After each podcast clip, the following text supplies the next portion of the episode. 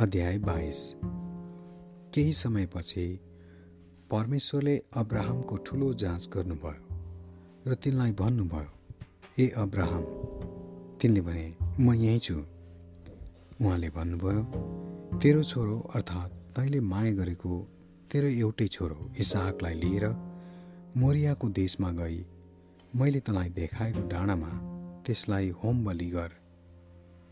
Abraham बिहानै उठेर गधामा काँठी कसे र आफ्ना कमारहरू मध्येका दुईजना र छोरो इसाकलाई साथमा लिए र होम बलिको निम्ति दाउरा चिरेर परमेश्वरले तिनलाई भन्नुभएको त्यस ठाउँमा हिँडे। तेस्रो दिन अब्राहमले हेर्दा टाढामा त्यो ठाउँ देखे तब अब्राहमले आफ्ना कमाराहरूलाई भने तिमीहरू यही गधासँग बस म र यो केटो ऊ परसम्म गएर पूजा गरी तिमीहरू कहाँ फर्केर आउनेछौ।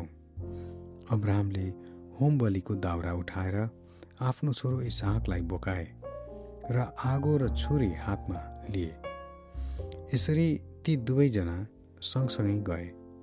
इसाहकले आफ्ना पिता अब्राहमलाई भने बुवा तिनले भने के हो छोरा? त्यसले भन्यो यी आगो र दाउरा त छन् तर होम बलिको तुमा चाहिँ खोइ अब्राहमले भने छोरा परमेश्वरले नै होम बलिको निम्ति थुमा जुटाइदिनुहुनेछ अनि ती दुवै सँगसँगै गए। परमेश्वरले तिनलाई भन्नुभएको ठाउँमा पुगेपछि अब्राहमले त्यहाँ एउटा वेदी बनाएर दाउरा त लाएर राखे। त्यसपछि तिनले आफ्नो छोरा इसाहकलाई बाँधेर वेदीमा दाउरामाथि राखे। तब अब्राहमले आफ्नो छोरालाई बलि गर्न छुरी उठाए। तर परमेश्वरका एकजना दूतले स्वर्गबाट तिनलाई हपारेर भने ए अब्राहम अब्राहम तिनले भने म यहीँ छु। उनले भने तेरो हात त्यस केटामाथि नउठा र त्यसलाई केही नगर।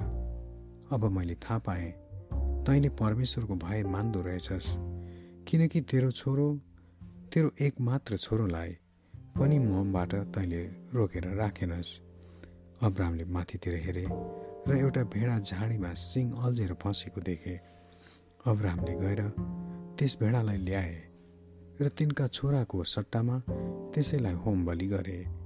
यसकारण अब्राहमले त्यस ठाउँको नाम परमप्रभुले जुटाउनुहुन्छ राखे। परमप्रभुको डाँडामा जुटाइने भनी आज पर्यन्त पनि भनिन्छ।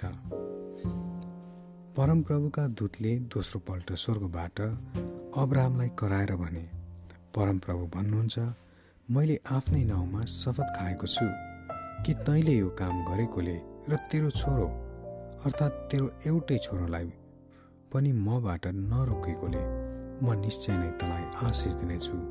तेरा सन्तानको वृद्धि गरेर आकाशका तारा र समुद्र किनारका बालुवा सरह म तुल्याउनेछु।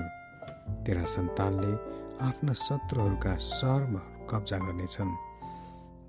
तेरै सन्तानद्वारा पृथ्वीका सबै जातिहरू आशीर्वादी हुनेछन् किनकि तैँले मेरो वचन पालन गरिस् त्यसपछि अब्राहम आफ्ना कमारहरू कहाँ फर्केर आए र तिनीहरू उठे र बेर्सेबासम्म सँगसँगै गए र अब्राहम बेर्सेबामा बसोबास गरे।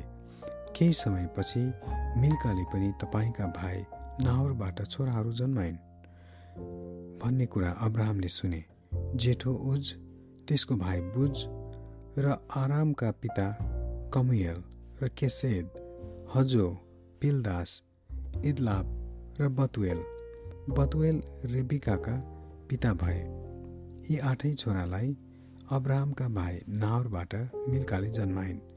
यी बाहेक रुमा नाउँ भएकी तिनकी भित्रिनले पनि तेबह गहम तहस र माकालाई जन्माइन् Amen.